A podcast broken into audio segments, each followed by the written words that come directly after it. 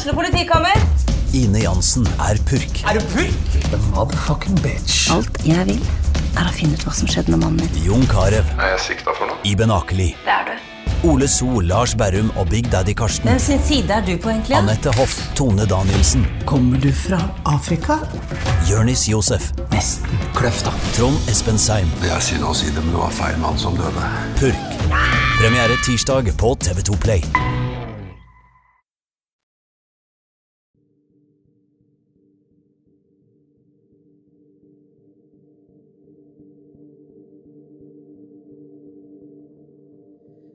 Narvik-mannen Terje Tobiassen var en kjent mann i hundemiljøet og drev med oppdrett av pointerhunder. På en treningstur med hundene sammen med en 32 år gammel norsk mann opprinnelig fra Finnmark, forsvinner Terje sporløst. 32-åringen sier Terje drukna etter at båten velta på Tårnetresk.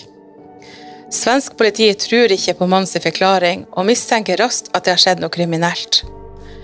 Fremover har søkt om å få innsyn i avhørene med 32-åringen fra svensk politi, men har fått avslag. Han er i dag død og kan derfor ikke gi sin forklaring på hva som skjedde. Det eneste vi har, er hans forklaring i Fremover og Nordlys og noe skriftlig materiale fra svensk politi. Vi velger derfor å ikke bruke navnet hans, og kaller han derfor for 32-åringen, jaktkameraten eller finnmarkingen. Politiet bruker store ressurser i 1993 og 1994 på å søke etter Terje besøk med dykkere, båter, undervannskamera, helikoptre og hunder. De hentet til og med inn en bemanna ubåt i søket. Vinteren 1994 ble det bora til sammen 1500 hull med 15 meters mellomrom, og et undervannskamera brukes for å søke. Politiinspektør Lars Lundbäck husker godt denne vinteren. Jag träffade för bara några månader sedan en av killarna som borrade hål åt oss. Oh, Ja. uppe i Torneträsk. Han sa, Åh Lasse, kommer du ihåg när vi borrade och sökte Tobias sen i Torneträsk? Jajamän. Hvor mange hull ble det? Ja, det var tusental. Alltså vi fick spärra av området så att inte folk skulle gå ner sig i de här jävla hålen. Oi, ja, for det blir jo litt farlig. Ja, visst. Ja.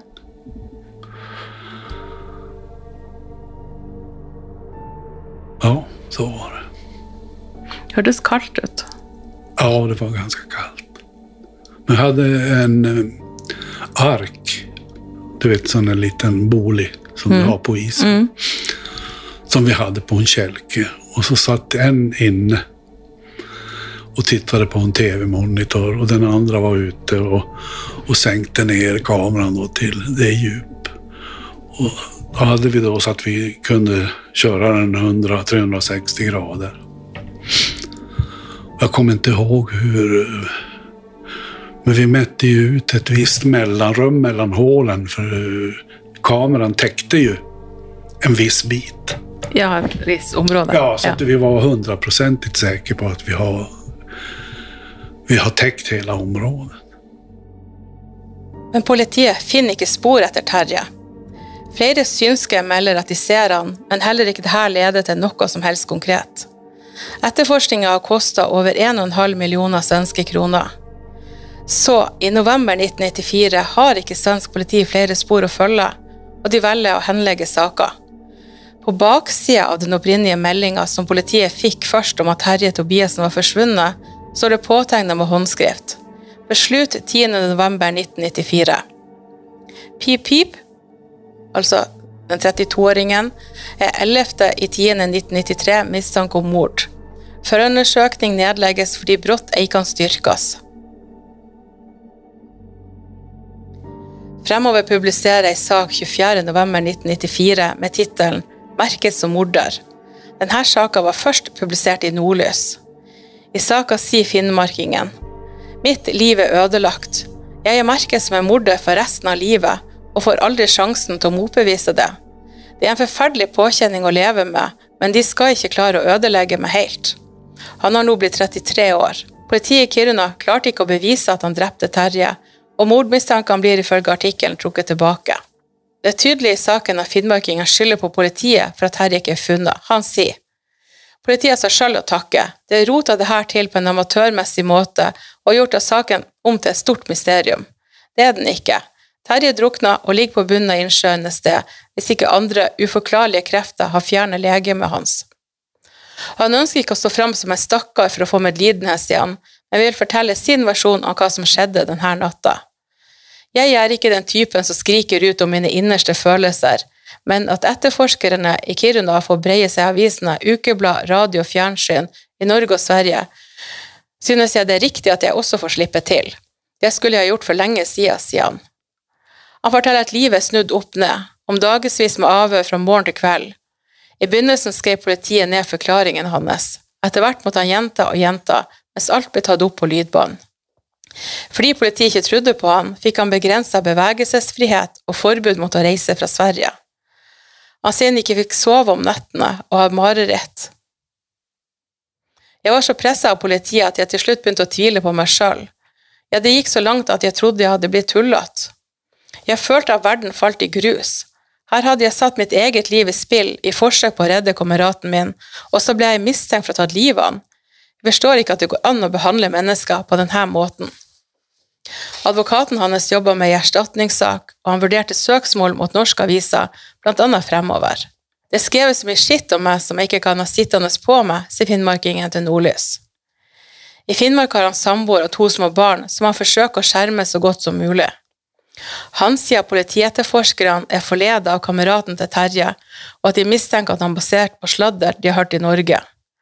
Han kom med flere beskyldninger mot den ikke navngitte politietterforskeren.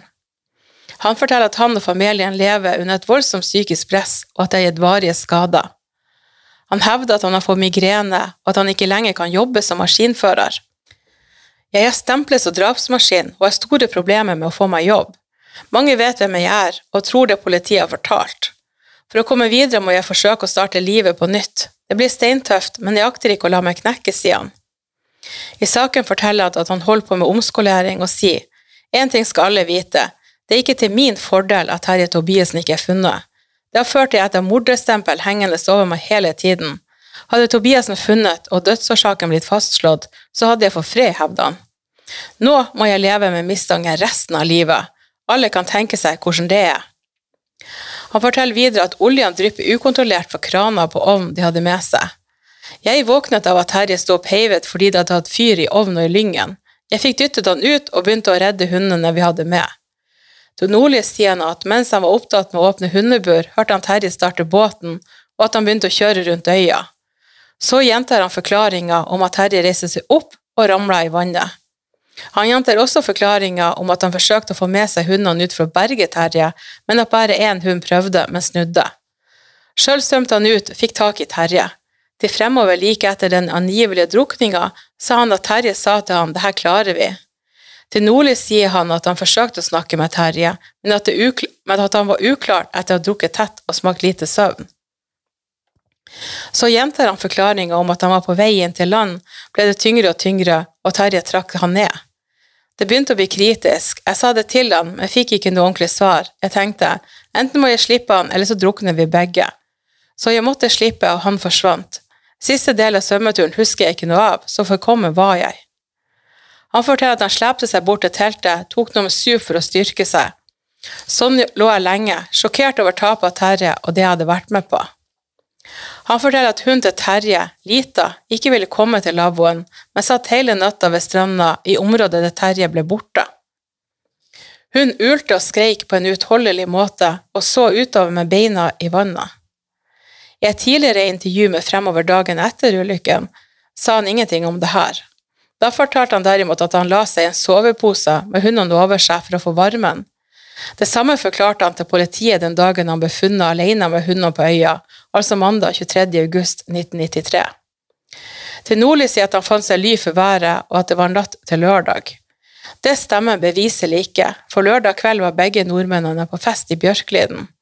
Men det kan hende at journalisten har oppfatta forklaringa feil, for Terje forsvant ikke for natt til søndag. Finnmøkingen sier videre at han neste dag gikk du fortvila langs vannkanten for å speide etter Terje. Jeg håpa at han ville drive inn, men jeg så han aldri mer. Først mandag kom skyssbåten såpass nær at jeg kunne tilkalle hjelp. Men hva så? er det fremdeles mulig å finne kroppen til Terje om han ligger drukna i tårnetresk? Det tror pensjonert politi og dykker Roine Nordstrøm.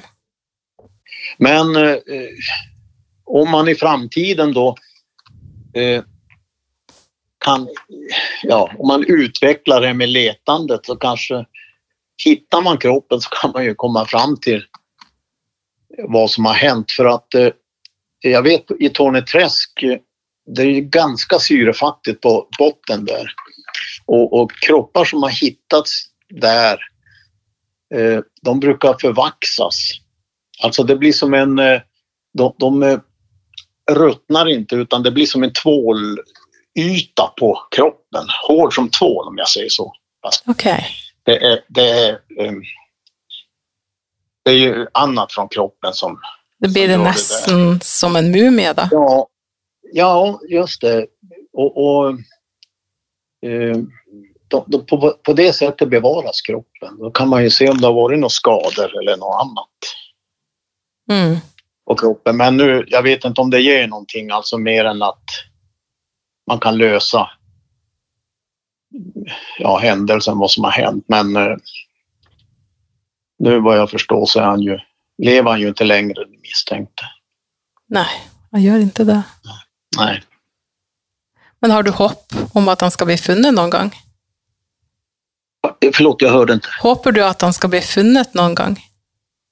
Ja, alltså varje gång man inte löser något eh, polisiärt problem, då går man ju och funderar på det. Det gör man ju och, gärna skulle man ju vilja veta vad som har hänt. Om de teorier vi hade, om de stämmer. Om det har varit bråk, om, om han har blivit ihjälslagen eller någonting sånt. Det är det man vill veta. Men eh, det, det får inte kosta vad som helst nu i det här skedet. Så. Hvordan har denne saka prega politimannene som jobber med den? Har de noe tro på at svensk politi tar opp igjen etterforskninga, og tror de at Terje Tobiassen noen gang blir funnet? Politiinspektør Lars Lundbekk var med i helikopteret til øya den kvelden svensk politi fikk melding om det som hadde skjedd. Han er klar på at 32-åringen hadde god tid til å bestemme seg for hvordan historie han ville fortelle da han ble funnet, og 32-åringen innrømmer aldri å ha vært delaktig i Terje sin forsvinning og trolige død. Det kom det noen nye forklaringer etter hvert, etter hvert som dere avhørte han? Eller holdt han fast på samme historie? Ja, han, han hade sin historia, vad jag kommer ihåg. Det var inte jag som var förhörsledare alla gånger, men, men eh, i stort sett detsamma. Och sen så tog, han hade ju en sambo och ett barn och de flyttade tillbaks till Norge. För han bodde i Kiruna? Ja, han bodde i Kiruna och hade något jobb i Kiruna, nu kommer jag inte ihåg vad. Men frun hade flyttat tillbaks till, eller om det var sambo, till Tanabro. Och eh, inte långt efter det på hösten tror jag han försvann till Norge. Och sen fick vi veta att han hade kört ihjäl sig med bil. Men det var etter at saken var henlagt? Ja, Ja. Men det var ingenting som var funnet? nej, Nei. Dere søkte også med hunder på Ja. land og på vann? ja. Ja. Men då hittade vi ju ett eh, älgkadaver. Et elgkadaver? Ja. Ja. Och eh, det var väl någon som hade gått genom isen vid något tillfälle. Men hunden markerade på ett och samma ställe flera gånger, så då tog vi ner dykare och fann det här älgkadavret. Så att han Så- kände någonting. ja. Ja. Men ingen, ingenting? Nej. annet? Nej. Nei. Men hvordan var det å lete og lete og ikke finne noen ting? Ja, det blir väldigt frustrerande och man ligger själv på kvällarna och, och tänker ut olika teorier. Vad kan ha hänt? Var ska vi leta? Och så vidare. Men Men var det noe søkning etter han noen år etterpå òg? Eller det, var det de to årene det var? var det, det var nog de två åren man la ner tid. Och, Store ressurser? ja, Ja. och någonstans måste man ge upp även om det känns bittert. Mm. Är det här en sak du har tänkt mycket på? Ja. Ja. Verkligen. Man har hittat olika teorier och så vidare. Och Som du sa, att var han verkligen med ifrån Björkliden? Men eh, han hittades ju aldrig på land. Det kom ju teorier om att han hade flytt till Kanarieöarna och allt möjligt i, i norsk press. Mm. Men vi fick nog ta för givet att han hade tagit, för hundarna var hans allt. Och de var ju kvar på ön. Han ville aldrig ha förlatt hunden. Nej, det tror jag inte. Nej. Nej. Tror du det är möjligt att finna någon spår idag? 30 år efter? Ja, det ska ju vara om någon pimpelfiskare råkar få tag i en, få tag i någon klädesplagg eller en sovsäck eller någonting sånt. Det är det man har gått och hoppats på. Du har det? I alla år? ja. Det är omöjligt att söka igenom alltså den, den delen av Torneträsk. Det skulle kosta så himla mycket pengar och jag tror ändå inte man skulle hitta dem i alla skrever och djup som finns där. Mm. Det hade varit för vanskligt. Ja, det djupast tror jag var 120 meter, där, bara en bit mot Tornehamn. Så blev det någon sån skreva och så gick det som toppar och dalar på botten. Mm. Och hur djupt kunde ubåten gå då? Den gick nog, ja det vet jag inte. Men den sökte av framförallt ställen där vi själv inte hade varit med dykare och, och så vidare. Men eh, nej, de fann ingenting. Var det mycket prat om den här saken i polisen? Ja, det är klart. Ja.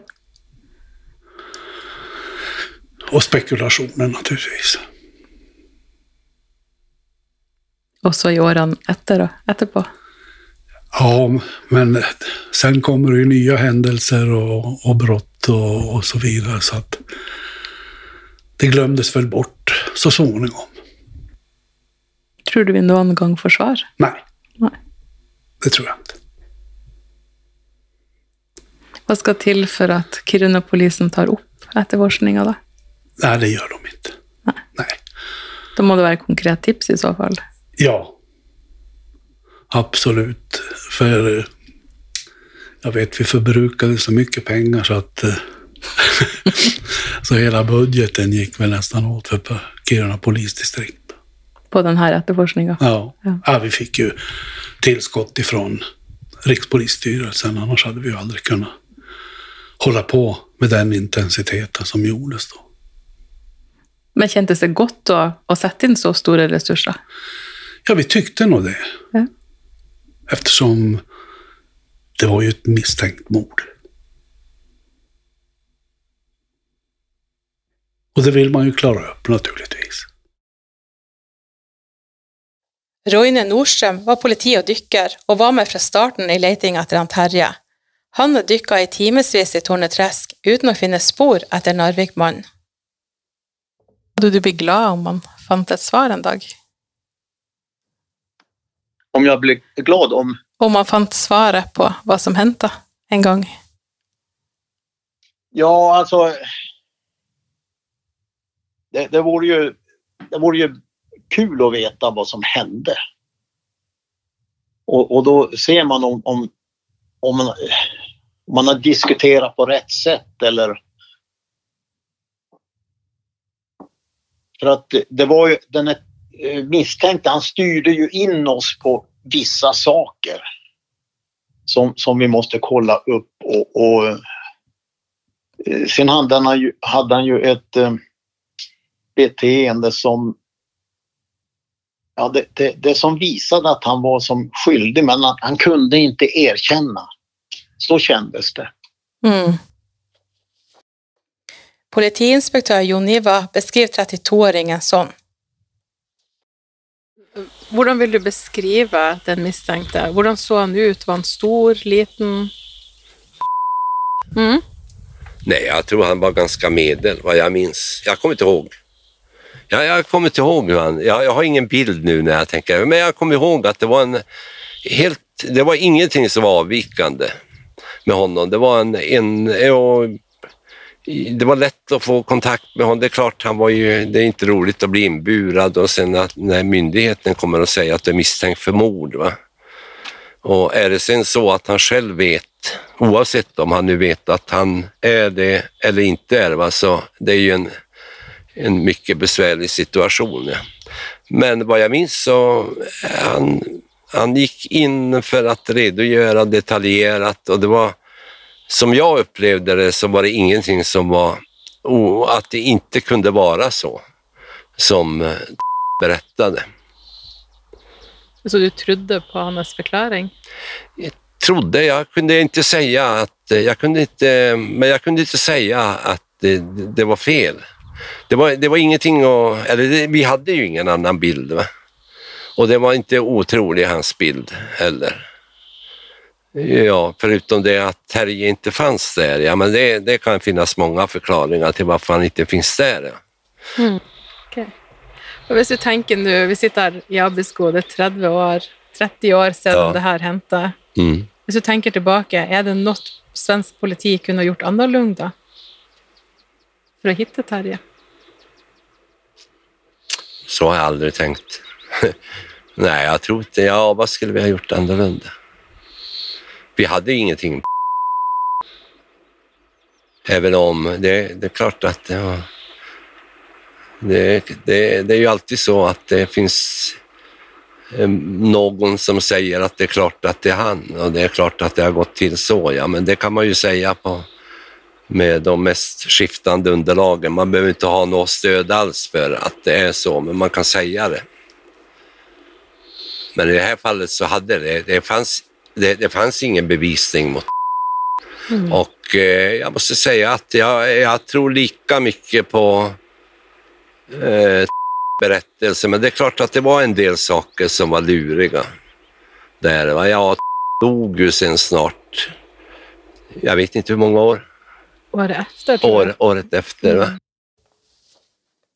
Joniva fick väldigt god kontakt med kona till Terje och hennes bror. När mannen hennes inte blev funnet, valde Kerstin att laga en ceremoni i Tornehamn. Ja, jag var sen här på, jag minns inte om det var året efter eller något år efter, så, eh, så tror jag att det var hon Kerstin som tog kontakt och ville att vi skulle vara med vid en ceremoni i Tornehamn. Ah. Och då kom det en norsk präst eh, som var prästklädd så här och hade en krans och han badade till och med ut en bit i sjön. Om jag, om jag inte har fantiserat och la ner den där. Det var som en avslut på Terjes försvinnande mm. för eh, Kerstin och anhöriga. Det var inte många. Om jag minns rätt så var vi kanske tio personer där, 10-15.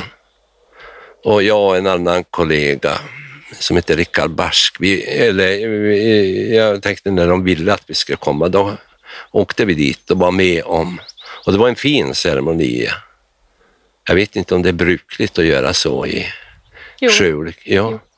Man lägger ner en, en krans. Ja. En krans, mm. ja. Jo. ja. Man må väl ha en avslutning? Jo, jo precis. Mm. Det, det var för Kerstin. Håkan, du har varit journalist i Kuriren i Kiruna i många år.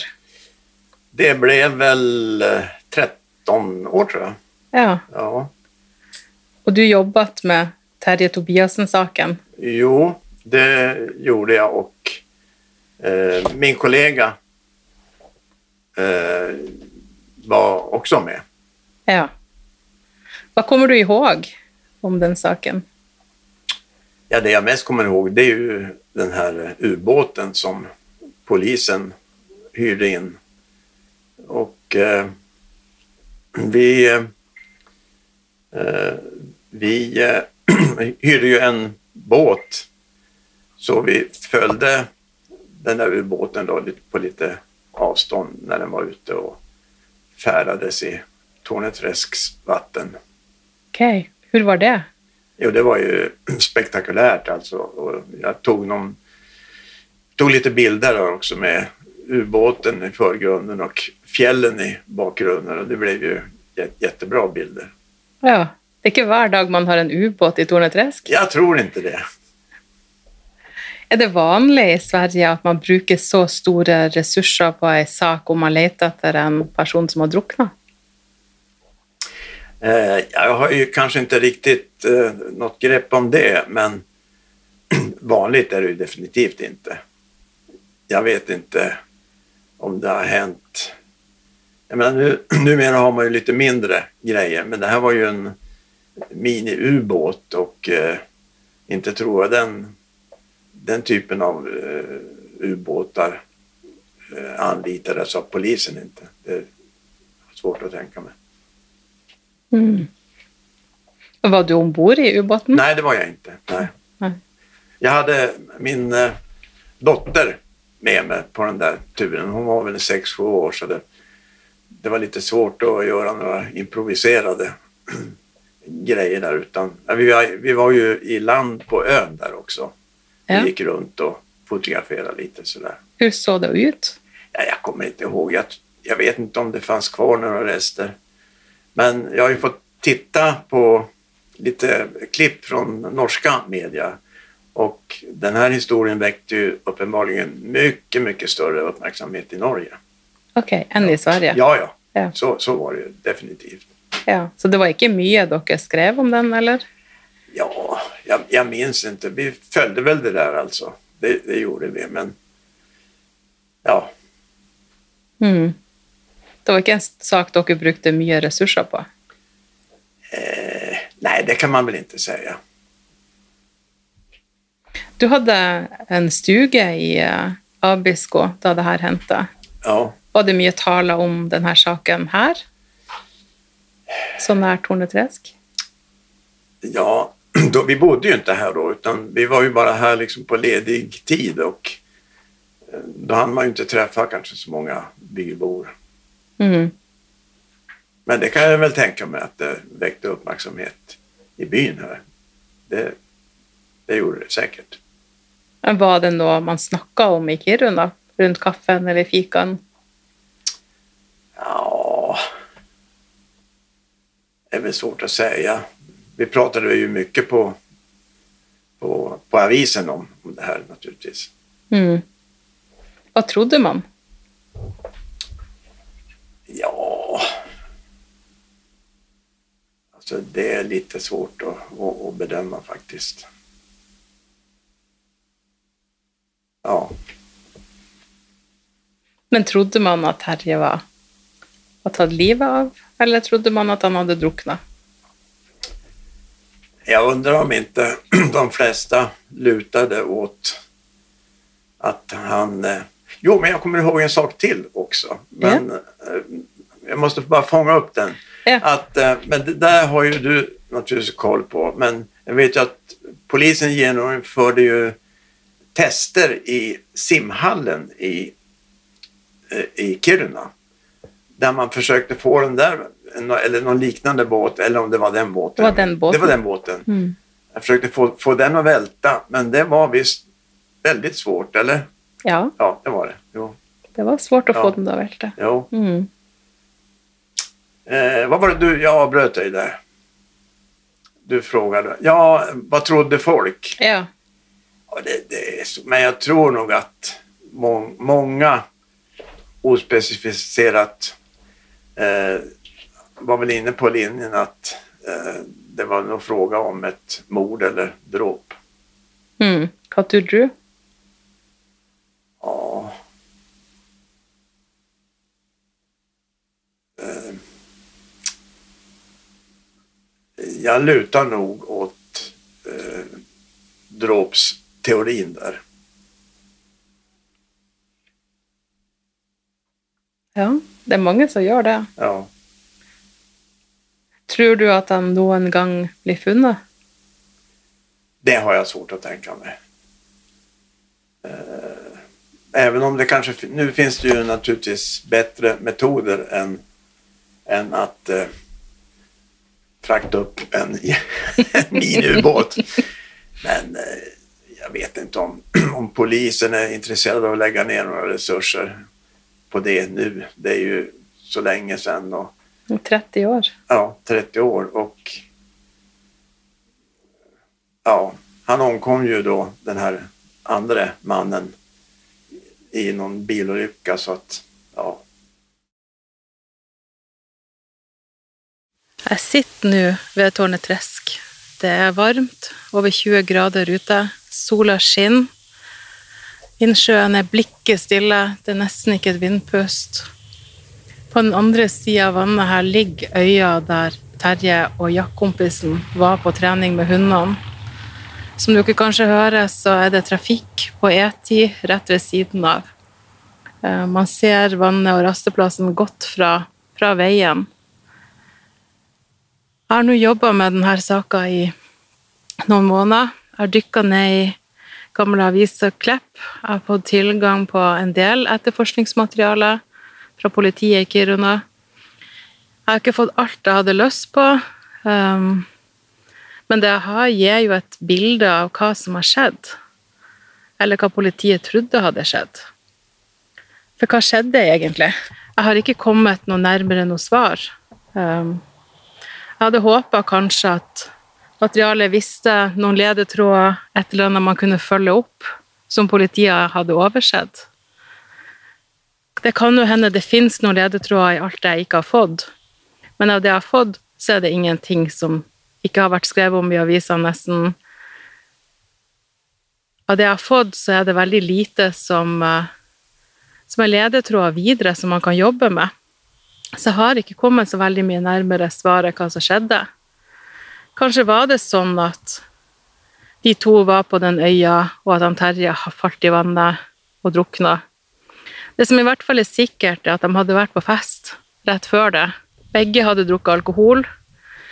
Det var ifølge politiet funnet store mengder alkohol i den lavvoen på øya der de var. Så det er vel ganske sannsynlig å anta at ingen av dem var edru. Hvor berusa de var, er det jo vanskelig å si noe om. Et eller annet har i hvert fall skjedd i det teltet som gjør at han Terje har forsvunnet. Kanskje dro han ut med den båten, selv om alle som kjenner han sier det er rart han ikke hadde hundene med seg. Kanskje krangla de, kanskje sloss de, hvem vet? Kanskje ble han drept? Det er ingen som vet det. Kanske ligger han på bunnen Kanske ligger han på bunnen här av Torneträsk, ett eller annat sted. Ingen jeg har snakka med, tror at politiet i Kiruna vil ta opp noe etterforskningen og bruke ressurser på å lete. Spesielt ikke siden han som var mistenkt, døde ikke så lenge etterpå. I en av rapporter, eller flere av rapportene jeg har lest, så er det mye fokus på det om han kunne ha svømt i det kalde vannet så langt, som der de har funnet eiendeler etter både han 32-åringen fra Finnmark og Terje. Politiet målte lengden til 145 meter. Det var fem grader i vannet. Jeg har sjøl bada i sjøen noen ganger på vinteren. Da er temperaturen rundt fire grader. Og jeg hadde i alle fall ikke klart å svømme 145 meter ganger to, altså 290 meter, i det kalde vannet. Det er jeg helt sikker på. Jeg, hadde ikke, jeg tror ikke jeg hadde klart å svømme 145 engang. Og i alle fall ikke å svømme 145 meter mens du har med deg en 72 kilo tung mann med klærne og støvlene på, hvis forklaringa til han 32-åringen stemmer. Det er også litt mystisk, den båtlyden hun dama hørte på natta til søndag. En båt på vannet, men hun så ingenting. Han Politiinspektør Lars Lundbäck han tror at den båtturen var en han tror at den båtturen rett og slett var at han 32-åringen hadde med seg Terje, putta han i en eh, sovepose fylt med stein og slapp han på bunnen der vannet var djupest. Kanskje var det sånn, kanskje var det ikke. Det som i hvert fall er sikkert, er at svensk politi gjorde alt de kunne for å finne han Terje men den teknologien som fantes da. Kanskje får vi aldri noe svar. Dessverre. Men det har vært eh, slitsomt, spennende og utfordrende å jobbe med denne saka. Jeg skulle ønske at jeg kunne gi de etterlatte et svar på hva som egentlig skjedde. Men kanskje, kanskje en dag kommer det.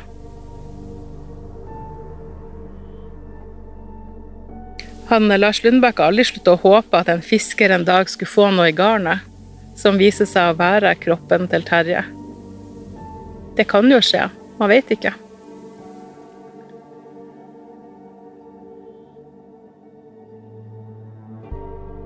Det er i hvert fall vakkert her.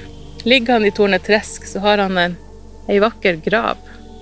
Neppe det noe særlig trøst, da. At grava er vakker. Det er stilt og fredelig her. Fuglene kvitrer, mygga summer, kleggen har kommet. Og jeg avslutter nå letinga etter svaret på hva som skjedde med Terje. Hvis ikke du, kjære lytter, har et tips til hva jeg kan søke på videre. Fremover har jeg vært i kontakt med sønnen til Terje, han Geir. Han ønsker ikke å være med i podkasten. Du har nå hørt sjette og siste episode i podkastserien Hva skjedde med Terje? Mitt navn er Ann-Kristin Hansen. Vet du noe om denne saka, ta gjerne kontakt på e-post anha.alfakrøllfremover.no. alfakrøll